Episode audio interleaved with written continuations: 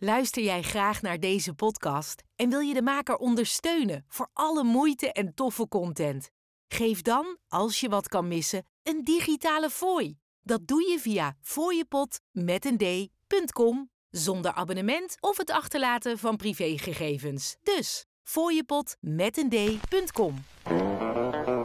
Dit is de Rookstop Buddy Show. De podcast die je moet horen als jij hebt besloten om nooit meer te hoeven roken. Margot en Maarten, beide ex-rokers, vertellen je wat je kan verwachten na het doven van jouw allerlaatste sigaret. Zodat ook jij kan leven als een niet-roker. En de recording staat aan. We zijn er weer voor een nieuwe episode van de Rookstop Buddy Show. Ja! Ja, Hoe is het met jou, Margot? ga jij? ja, nou, ik ga goed. Eh, eh, nog steeds zieke kat. Uh, dierenarts is geweest. Eh, mag nog eventjes mee. Daar ben ik heel blij mee. Maar het blijft ook elke dag weer afscheid nemen. Maar goed, dat is, dat is ook goed. Dus nee, het gaat goed. En, en ehm, eh, ik volg natuurlijk de, de appgroep nog steeds. Dus daar wil ik straks ook nog even over hebben. Ja, daar duiken we straks denk ik ook in. Ik heb ook een aantal dingen gezien waarvan ik dacht van, oh, dat, dat kunnen we als thema gaan, gaan neerzetten. Ehm, eh, het thema is dan eh, verandering, want ik zag daar wat voorbij komen eh, dat ik dacht van, hé, hey, dat herken ik nog wel. Het nog steeds eigenlijk. Mhm. Heb ik ook op gereageerd met een bijdrage. En Ja, ik ehm, volgens mij ook heel vroeg vanochtend. Maar Ik weet niet meer welke da- dag het was. Want nou ja, zoals ik al eerder heb verteld, we zitten hier in een verbouwing. Het is totale chaos. Ik eh, besteed mijn eh, vrije dagen aan het eh, afstoffen en stofzuigen. en de zooi opruimen. Dus, dat wou ik ook tegen je zeggen. Als je kans ziet, moet je even zoeken, googelen. De verbouwing, Frans Bromet. Ja, oké. Ja, volgens mij. Ja. ja. Is Die dat moet wel je echt wat ouder? opzoeken. Dit is een hele oude, want hij is al nu oud. Ik ben eh, gek op die... ah, hij praat zo, hè. Dan stel ik interview jou in je huis nu. En dan zeg ik, vind je dat nou vervelend, al dat stof? Ja, ja, ja. Hij begint, of tenminste wat ik me kan herinneren, het is jaren negentig geloof ik.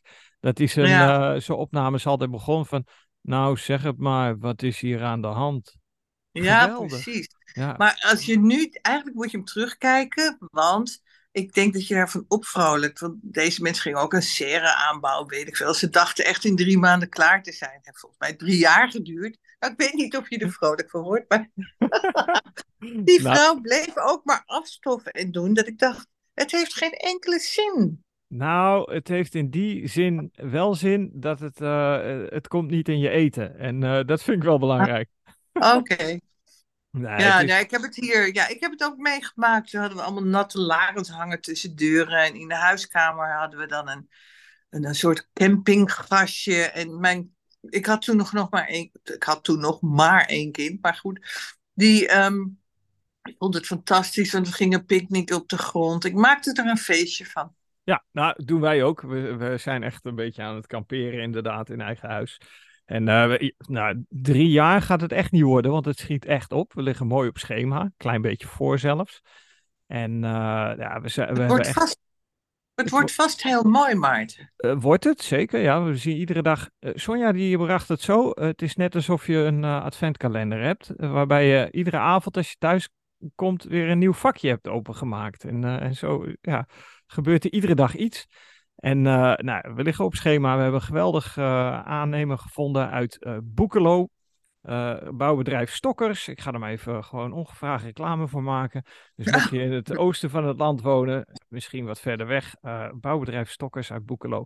Het zijn ja, vakkundige mensen en ik ben heel blij met de mensen die we over de vloer hebben. Dus Nou, heel fijn. Fijn te horen. ja, En stuur weet- een fotootje dan van de voor, voortgang. Dat Ja, is leuk. Ga ik, ga ik jou, ja, ga ik jou even sturen. Ik, ik, ben een, ehm, ik ben foto's aan het maken en ik eh, ben van plan om er een, eh, zo'n zo'n eh, compilatie van te maken. Dat je ze allemaal achter elkaar hebt staan. Nee, weet je. En ehm, mooi bruggetje naar waar we het net over hadden. Verandering. Want een verbouwing is Mhm. natuurlijk een verandering van een huis. in dit geval, of van een ander pand. Maar wa- wat ik tegenkwam eh, en herkende was de verandering die mensen doormaken die met name in uh, oktober de laatste sigaret hebben gerookt. En nu eigenlijk al bezig zijn met uh, andere dingen op te pakken. En, en, wat ik zo mooi vind om te zien is dat, dit ken jij ook, Margot, dat van het een het ander komt. En ik zat terug te denken en ik kwam uit in uh, 2000, ja, 2016, mijn laatste sigaret is al wat langer geleden. Maar dat ik in 2018 um, op, de, op de camping Stortemelk op Vlieland stond. En daar uh, voor het laatst uh, mij bewust was van uh, dat ik trek had in een sigaret. En dat, be, die bewustwording die is dan een paar maanden later. Hè, dat je denkt, oh hé, hey, maar dat is het laatste moment geweest dat ik echt trek had in een sigaret. Dat ik dacht, ik heb zin om te roken. Um, het, feit dat ik daar op Vlieland stond, heeft alles te maken met het roken van mijn allerlaatste sigaret. Want ik ben gaan sparen, of we zijn gaan sparen. Ik deed de uitgaven van, uh, aan, aan de tabak. En uh, ja, uh, het gevolg was dat we een seizoensplaats op die camping hadden. En, en daar de hele rambam bij hadden gekocht. Met twee tenten, inboedel, alles bij elkaar. Dus dat kan het opleveren. En daar ben ik begonnen met um, blogs schrijven. Want we verhuurden die tent. Dat mocht ook allemaal. Maar we hadden dus een uithangbord nodig. En dat werd een website met een blog. En, uh, en we hebben de tent verhuurd om de kosten een beetje dekkend te krijgen. Um, ja, en dat is eigenlijk weer mijn uh, speeltuintje geweest om Rookstop Buddy in op te bouwen. Dus nou ja, dat hele gevolg kwam even voorbij toen ik iemand hoorde zeggen. Ik weet niet eens meer welk bericht dat was. Weet jij dat nog? Daarover nee. veranderen. Nou, ik, zit nu, ik, ik, ik dacht aan een bericht van vanochtend. Iemand die eigenlijk net toegetreden was tot de appgroep en een bericht plaatste. Dus ik zit nu te denken over wat jij bedoelt. Ik, ik was vanochtend bezig om een, eindelijk de mail te sturen naar die Robert van der Graaf, die jij graag ja. wil. En ik had een hele mooie mail gemaakt. En helemaal goed, dacht ik. En toen wou ik nog even de link sturen van onze podcast, zodat hij kon luisteren waar het over, wat, wie we zijn. Ja. En toen wilde ik de mail terugpakken, toen was hij helemaal verdwenen. Oh. En toen was ik zo pissig, dat ik dacht, nou, dat ga ik vandaag, dan ga ik morgen opnieuw. Want dan, dan, ik had hem echt leuk geschreven, weet je wel, met een beetje humor en een beetje dat we hem graag willen. Komt goed hoor, maar ja. Ik, ik was, ik, ik, dan word ik een beetje driftig. En vroeger had ik dan meteen drie sigaretten achteruit. Op, zo uh, in mijn oren, in mijn neus, in mijn mond. kwam helemaal niet in me op. Nee. Helemaal niet. Nee. nee. het is, je wordt er Ja. zo ja, flexibel en mild van eigenlijk. Hè? Want het is een soort van mildheid wat er ontstaat als je dan eh, eh, ja, niet meer hoeft te roken. En eh, ja, het, het doet ook echt iets op het gebied van, eh, van je, eh, ja, het kleinste, de kleinste bouwstenen van je lijf. Hè? Dus echt gewoon, eh, je beïnvloedt de genetica ermee. En, en ja, goed, daar hangt alles mee samen. Ik luister wel eens eh, dingen over kwantumfysica. Ik ben vandaag ook weer een podcast tegengekomen waar ik heel benieuwd naar ben. Die sta ik dan te luisteren aan de impacttafel eh, in het veilinghuis waar ik werk. En eh, dat gaat over kwantumfysica. Ik heb even teruggekeken. Dat was afgelopen donderdag. Hm? Eh, turbulentie, dat was het eh, woord. En even kijken, dat ging. Oh ja, dat ging over het bloedende tandvlees en zo. Oh ja, ja, ja. En, Ja. en iemand die een vraag stelde van helemaal off top, topic. Dan mag ik wel zeggen wie dat is. Dat is Lieke. Ehm, eh, mag dat? Maar zijn hier mensen met ervaring, kennis in basisonderwijs, voortgezet onderwijs of coaching, taalcoach of iets anders in die richting? En vindt iemand het leuk om dit te delen? En het heeft niet echt te maken met stoppen met roken natuurlijk, maar wel met nieuw gedrag gewoonte aanleren. En daar ben ik op ingehaakt, want het heeft alles met Alles. stoppen met roken te Alles. maken. Ja. Alles. Ik ben ook totaal. Ik was geen. Ik ga nu drie keer in de week naar het zwembad. Ik doe lekker recepten. Eh, er is ook iemand op de appgroep die is gaan inmaken, eet dingen. Dus het heeft alles te maken met verandering en het omzetten in iets leuks. Ja. Ik Ja. geloof niet dat er mensen zijn die stoppen met roken omzetten in iets naars. Nee, dat is, nee, ik, eh, nee, ik, ja, kan me er wel iets bij voorstellen, maar dan zit je niet in de, in de modus. Want ik, ik heb wel Nee, nee. Narigheid uitgehaald. Zo van, eh, nou, dit, dit, dit hebben we al eerder besproken, heb jij ook gedaan, van, eh, dat, dat je het op iemand anders eh, afschuift, weet je wel. Van, zie je wel, want Ja. voor jou moet ik stoppen en, en het lukt niet. Ja, weet je, Nee, maar goed, dat, dat zijn de. Ik heb het nu meer al. Wat ik laatst ook weer las, wat iemand schreef, die zei: Ja, ik ben nu vier dagen. Dat is bij Stop roken in vier uur met die Hugo Herwatsers. Daar Ja. ben ik op ingegaan. Want die schreef: Ja, ik ben nu vier dagen gestopt, dus de drie dagen zijn voorbij en ik heb nog steeds last. Hm. Toen dacht ik: Ja, jezus, mensen, kom op. Ik bedoel, je rookt 30, 50, 40, 20, 10 jaar. En dan wil je dat het na drie dagen allemaal opgelost is. Zo gaat dat niet. Nee. Je neemt je, het is een traject. Je begint eraan. En je moet erachter blijven staan. En als je erachter blijft staan, dan heb je ook moeilijke periodes. En ook huilen. Sommige mensen, ik moest af en toe wel huilen of heel erg zuchten.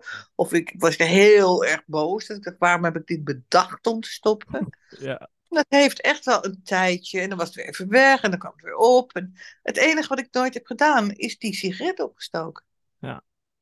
En dat maakt het verschil. En dat, eh, dat is eh, eigenlijk de houvast die je moet, eh, moet hebben. Ik denk ook, ja.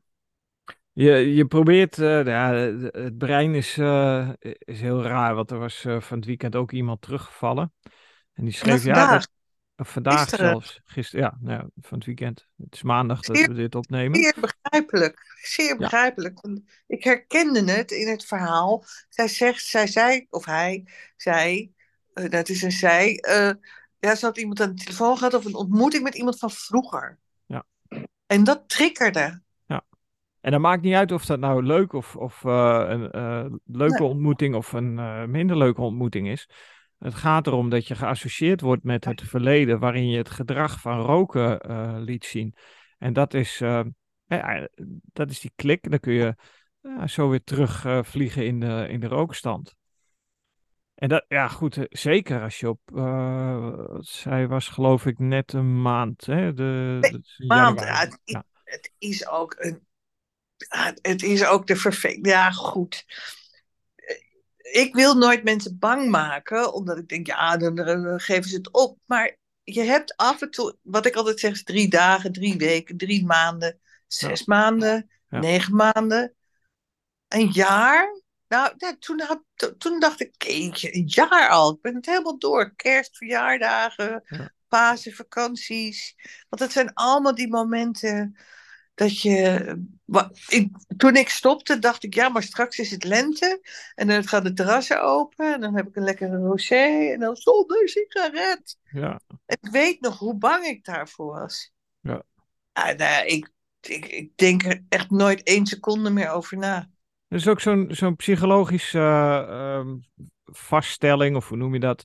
Dat ehm, het, het doormaken van eh, verandering, of eh, hoe noem je dat ook weer? Ingrijpende gebeurtenissen in het leven, Mhm. trekken maar twee jaar vooruit. En ik denk dat het niet meer roken precies zoiets is. Da- dat is een ingrijpende verandering in iets wat je in gedrag wat je al jaren gewend bent. Mensen, eh, Ja. als je dit, eh, als je hier meer over wil weten, luister onze eh, podcast met Wanda de Kanter terug. Die heeft het daarover.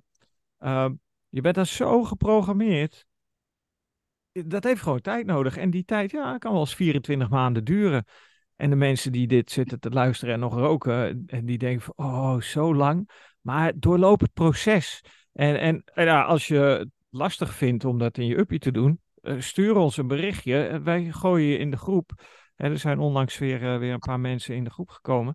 En daar zijn eh, mensen die je tot steun zijn, die eh, kunnen zeggen van, ik begrijp je. Want die hebben hetzelfde meegemaakt.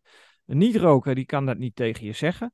Ik, ik maak altijd eh, het grapje van, je kunt wel naar je huisarts gaan, maar de meeste huisartsen, die, eh, dat zijn nooit rokers. Hè, omdat ze in, in dat vakgebied zitten. Uitzonderingen daar gelaten. Er zijn eh, Ja. bepaalde afdelingen in het ziekenhuis waar ze eh, roken als ketters. Oh, Maar die- want naar de kanter, want naar de kanter, longarts. Die kan er wel over meepraten. Die is Ja, ervaringsdeskundig. daarom is zo goed. Ja, Daarom maar ik denk een jonge, gemiddelde jonge huisarts, nou, die, die, eh, ik denk dat 80% een nooit roker is.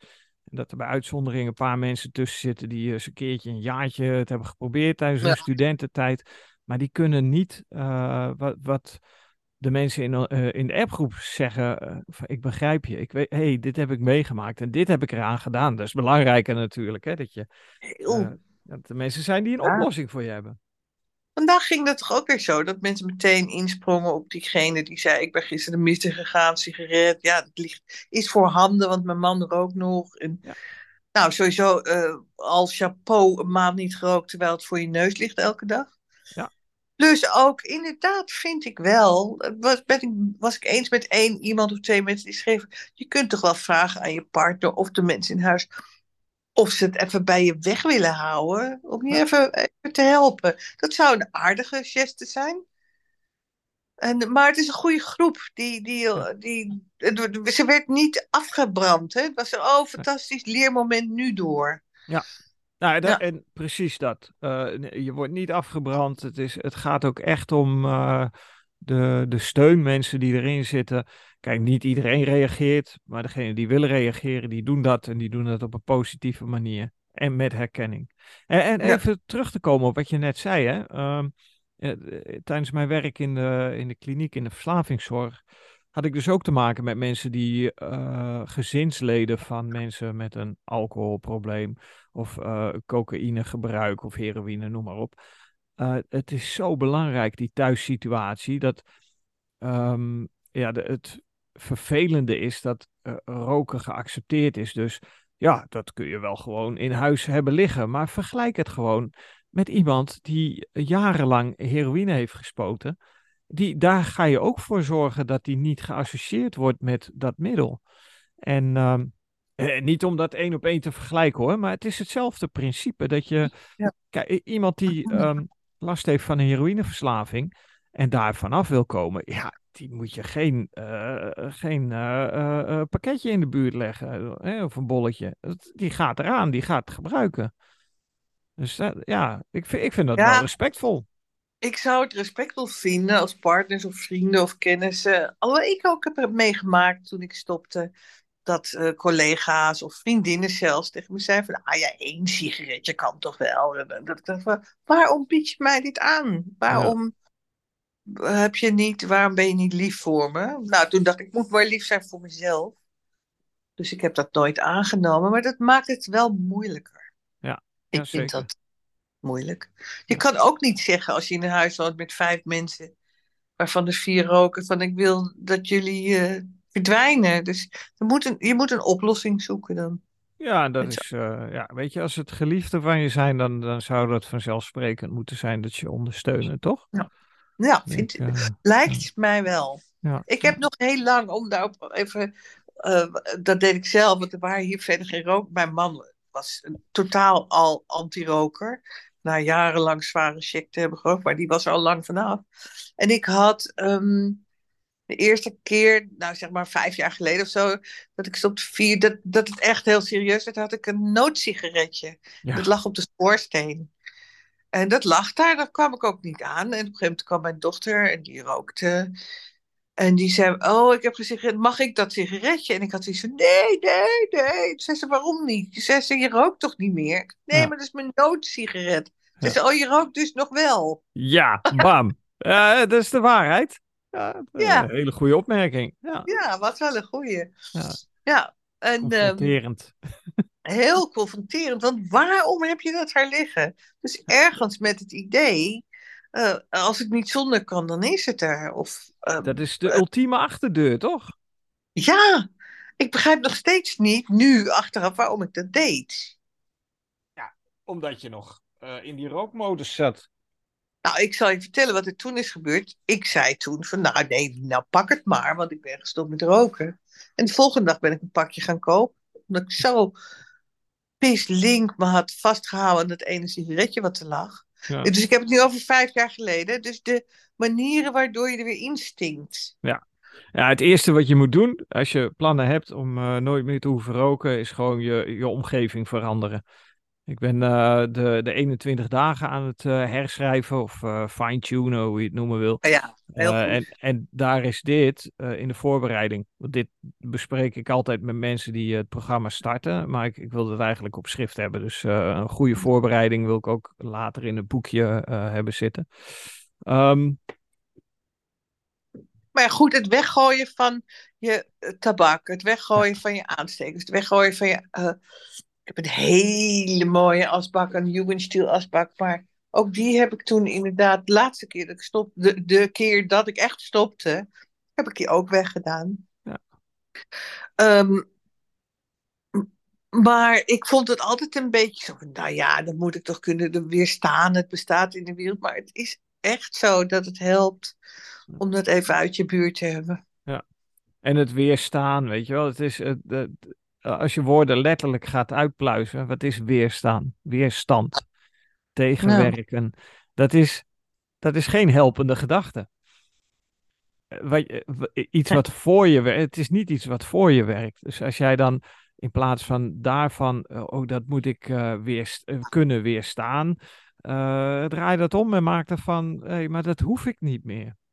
Hè, dat, heb ik, dat, dat past niet meer bij mijn nieuwe leefstijl. Nou, ik, ik ga het op een andere manier doen. Dus uh, ja, dan ben je milder voor jezelf. En dat, uh, dat is denk ik heel belangrijk om, uh, ja, om maar ehm, te zeggen voor de mensen om, om daar bewust van te worden. Ja, we blijven natuurlijk in herhalingen treden, want dit komt natuurlijk om. Maar dat moet ook, want dit is het. Hier gaat het om. En elke dag een uh, kleine, uh, kleine verandering erin aanbrengen. Hè, dat we die, uh, diezelfde dingen aanboren. hey, over ja. verandering gesproken. We zijn begin dit jaar begonnen met een verandering door te voeren in de Rookstop Buddy Show. Heb jij een recept voor ons? Voor ik mij? dacht, laat ik eens iets met vis doen. Jo, oh, wat, wat leuk. Wat, wat spontaan. Wat een verrassing, hè? Ja. Ja. Nou, ik zit er klaar oh. voor. Ik ga aantekeningen okay. maken. Oké, ik ga eerst even het boodschappenlijstje opnoemen. Want dat vind ik, wel hand, vind ik zelf altijd handig. Wat heb je nodig? Een bloemkool. Niet zo'n hele grote, gewoon een gewone bloemkool. Een bouillonblokje, groentebouillon. Twee blikken gepelde tomaten.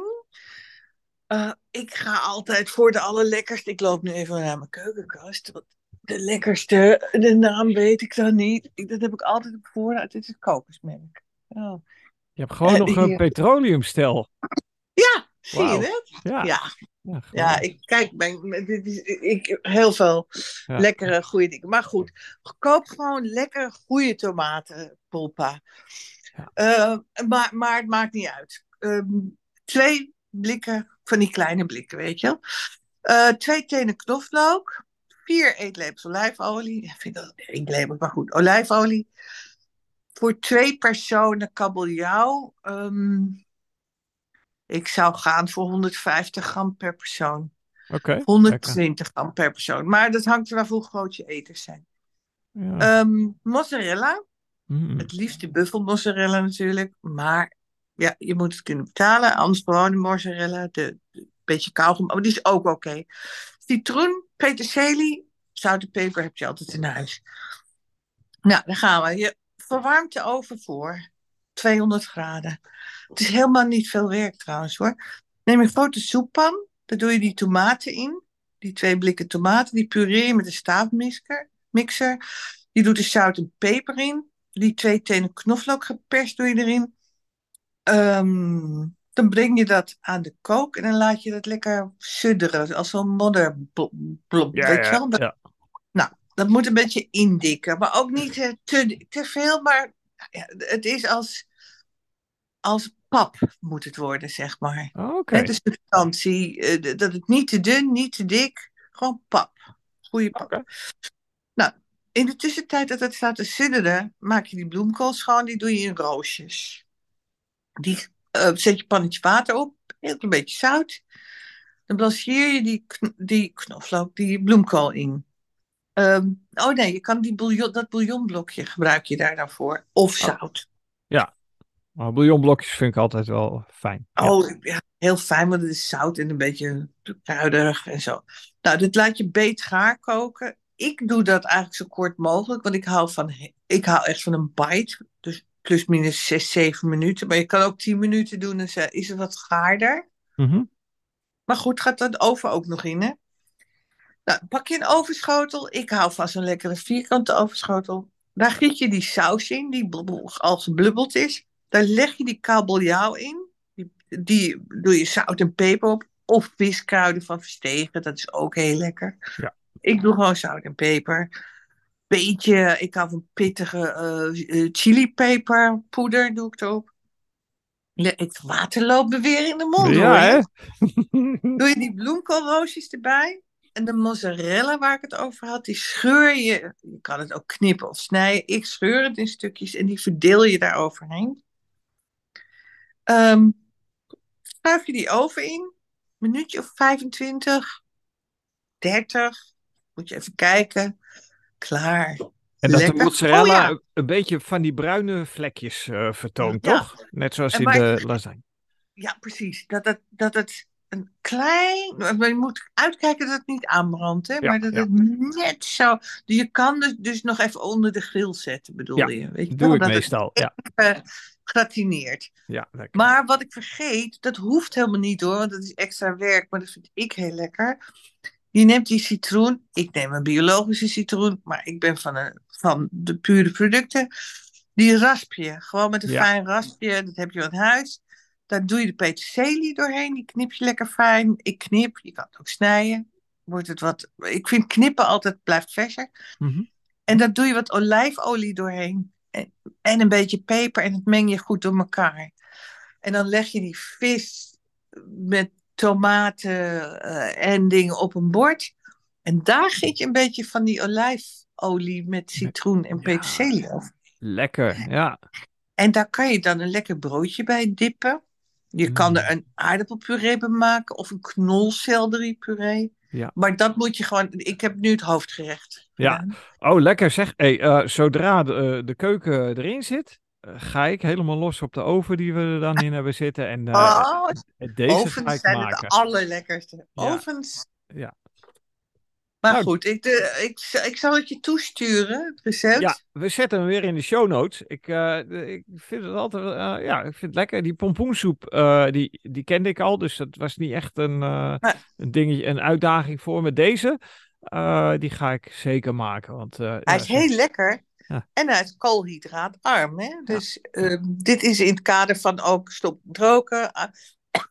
Je valt hierop af, zeg maar. Ja, anders gaan leven, hè? dat is het. De verandering van leefstijl. Zoals ik Mhm. zei in de eerste, eh, eerste aflevering, neem even een slokje water. Wijn nemen. Oh, oh ja. Dat mag ook. Hey, eh, ik wilde. Ik, ik heb geen flauw idee waar we zitten met de tijd, maar ik wil wel. Jij moet de geschiedenis induiken. Ja. Ja, want ehm, even kijken, vorige week eh, zat ik met eh, het verhaal van Philip Morris, hè, de uitvinder van de moderne sigaret. Tenminste, dat kunnen we wel aan hem toeschrijven. Ehm, wat een hele grote invloed is geweest op eh, de ontwikkeling van de tabaksindustrie zoals we hem nu kennen. Dat, eh, dat hangt heel nauw samen met eh, oorlog. En eigenlijk is het best wel actueel. Want ehm, nou ja, dit angstmechanisme van de tabak eh, en, en oorlog, hè, eh, als je het over angst hebt. Ik heb gisteren nog een aflevering zitten kijken van een televisieserie waarin. eh, kijk jij die ook? De stamhouder? Nee, is dat moeite Oh. waard? Ja, die is heftig. Die is, Oh, die is, het is een mooi verhaal en hij is knetterheftig. Daar, daar zit ook veel oorlogsgeweld in. Ja, ik hou dat een beetje bij mij weg, moet ik zeggen. Ja, dan, Eh, eh, ik merk dat ik er erg eh, emotioneel raak, ook van Turkije en Syrië nu. Ja. En die... Ja. Nee, dus nee, Nee, dan moet je die overslaan. Het is ook een boek. Misschien dat dat wat, eh, wat beter verteerbaar is. Maar nou ja, goed, daar zie je ze ook. Het gaat, o- speelt zich af voor een deel in de Tweede Wereldoorlog. En, en daarna. En er wordt onmeunig veel ingerookt. En vandaar ehm, dat ik deze aflevering eh, aan eh, tabak en oorlog eh, aandacht ga besteden. Want de tabaksindustrie heeft de Eerste en de Tweede Wereldoorlog gebruikt. En ook de oorlogen die daarna kwamen. Denk aan Vietnam, Korea. om hun tabaksproducten populair te maken bij een groot publiek. En tijdens de Eerste Wereldoorlog werden tabaksproducten vaak gebruikt als een manier om soldaten te helpen omgaan met de stress van het oorlogsgebied. Tabaksbedrijven steunden actief de oorlogsinspanningen. Zo even die wegklikken. Ehm, door uh, producten te doneren aan soldaten, door reclamecampagnes te lanceren die zich richten op het idee dat roken een teken van moed was. Tijdens de Tweede Wereldoorlog tabaksbedrijven bleven hun producten gebruiken om zich te associëren met het leger, met reclamecampagnes die zij richten op het idee dat roken een manier was om zich aan te passen aan de stress van oorlog en het leiden van een actieve levensstijl. En hier zie je de uh, associatie die de industrie heeft gemaakt met het verlagen van stress. Mhm. Maar dan heb je het over externe stress. En wat de sigaret doet, is dus uh, de, stress veroorzaken door de ontwenning die je ervaart. En die los je dus op door weer een peuk op te steken. Nou ja, uh, daar hebben we het eerder over gehad, het mechanisme. Um, maar dit hebben ze slim bij inge, ingeweven. Dus als je gestrest bent, kun je maar het beste roken om weer relaxed te worden. Nou, niks is minder waar, weten de vaste luisteraars inmiddels. Tabaksbedrijven hebben ook geprofiteerd van de oorlog door hun productcapaciteit te verhogen om aan de groei, groeiende vraag van soldaten en burgers te voldoen. De marketingstrategieën bleken zo succesvol uh, dat ze uh, dat dat zich uitte in een toename van het aantal rokers na de oorlogen. En dan heb je het over de Roaring Twenties en uh, de jaren 50, 60. Dat waren echt pieken in, de, nou, in, in het aantal rokers. Ja, ga maar na, jaren 60, 70. Uh, 80% van de bevolking, van de mannen in ieder geval, rookte. En vrouwen die, oh, die waren een goede tweede met, ik geloof iets boven de 65%. Nou, ik kom uit een kunstenaarsmilieu. Hè? Mijn vader was kunstschilder en tekenaar, gaf les op academie. En, en we kwamen natuurlijk in de kunstenaarssociëteiten. Daar was roken dus echt bonbon. Hè? Iedereen rookte. Ja, ja. en ja, hoorde vrouwen. erbij. Ja. Alle Ja. vrouwen.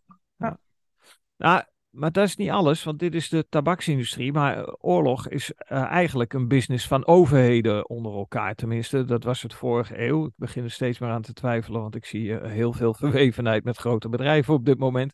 Maar, ehm, eh, en die speelden natuurlijk ook een rol in het, zoals Eisenhower het zei, het groot, ehm, eh, even kijken, het groot, god, kan ik niet op het woord komen.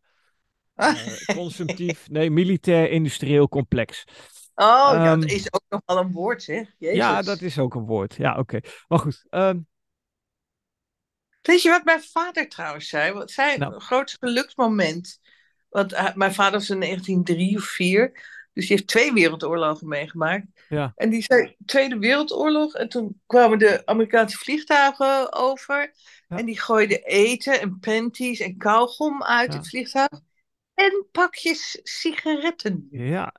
Nou, ehm, eh, dat is iets wat ik denk ik de volgende week ga behandelen. De emancipatiegolven waarop eh, de fabrikanten hebben meegelift. Daar noemden ze het de Liberation Sticks.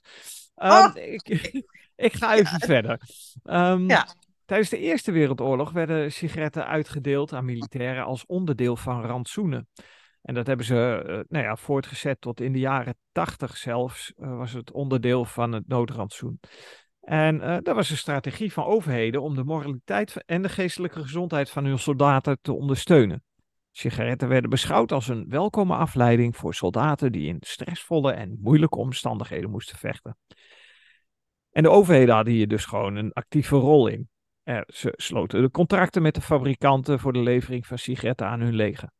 Sommige overheden gaven zelfs de opdracht tot productie van speciale militaire sigaretten, zo ook in Nederland, die bestand waren tegen omstandigheden in het veld. Dus moet je denken aan extra waterdichte pakjes of zo, dat soort eh, dingen.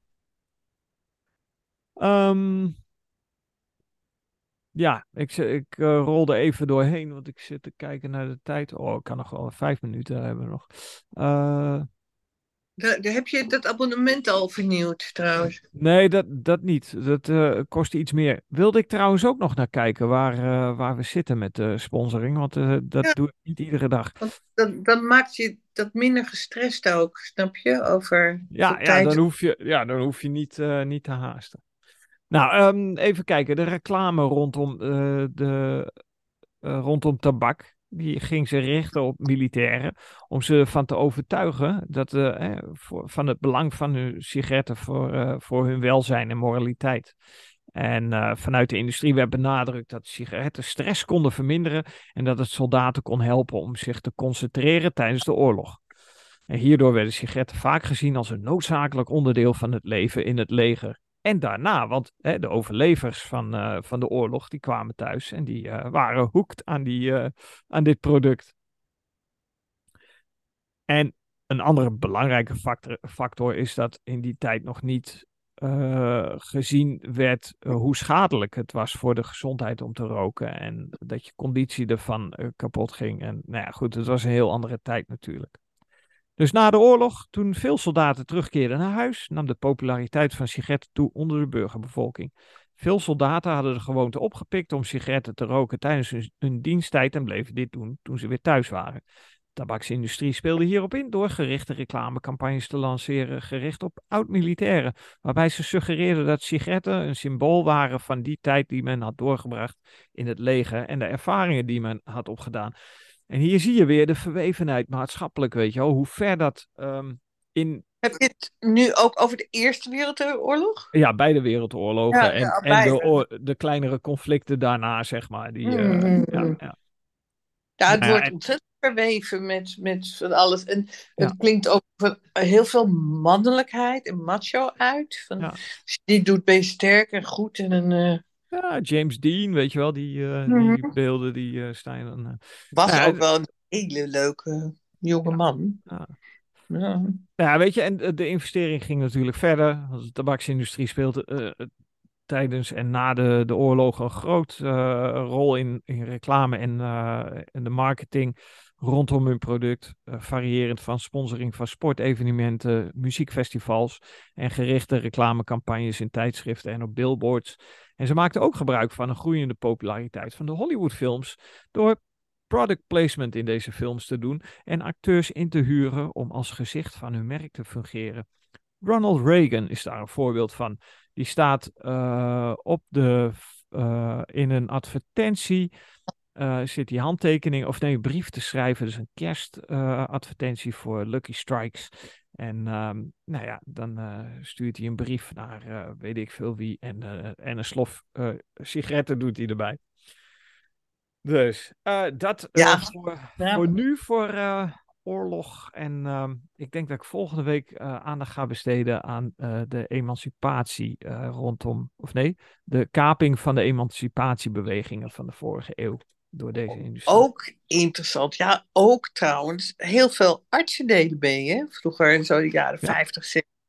Met reclamespotjes van deze arts adviseert uh, ja. Hemmel of whatever. De, die, ja. Nou, die werden die, gewoon, uh, die werden gewoon uh, ja, ook betaald door de industrie.